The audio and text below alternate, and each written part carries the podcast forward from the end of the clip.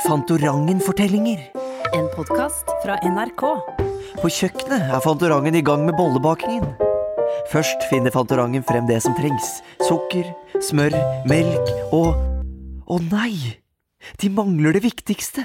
Pivi, vi må dra ut, sier Fantorangen. Vi mangler mel. Vi kan ikke ha bollefest uten boller. Vi må ut og finne en kamel. Men vi må huske på at kameler er gretne dyr som ikke er så hjelpsomme akkurat. Pivi ser spørrende ut. Hva slags boller skal vi lage? De skal lage kamelboller. Mener du ikke kanelboller? lurer Pivi på. Men Fantorangen mener kamelboller, for det er nemlig de beste bollene som finnes. Fantorangen forklarer at for å lage de bollene trenger man akkurat det samme som til vanlige boller. Bortsett fra at man bruker kamelmel. På veien lurer Pivi på hvordan kameler lager kamelmel.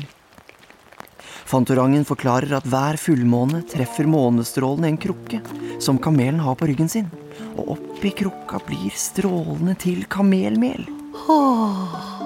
Kamelmel er sjeldne greier, og kamelen gir bare fra seg mel om den får noe pent i bytte.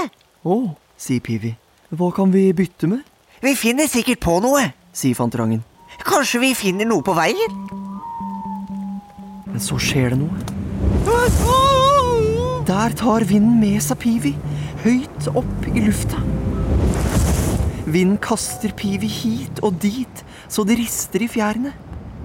Her oppe kjennes vinden sterk, og regndråpene pisker mot nebbet. Pivi er redd nå. Dumme vind! Sett ned Pivi nå! Jeg må redde Pivi! Klarer Fantorangen å redde Pivi? Hør denne og flere Fantorangen-fortellinger i appen NRK Radio.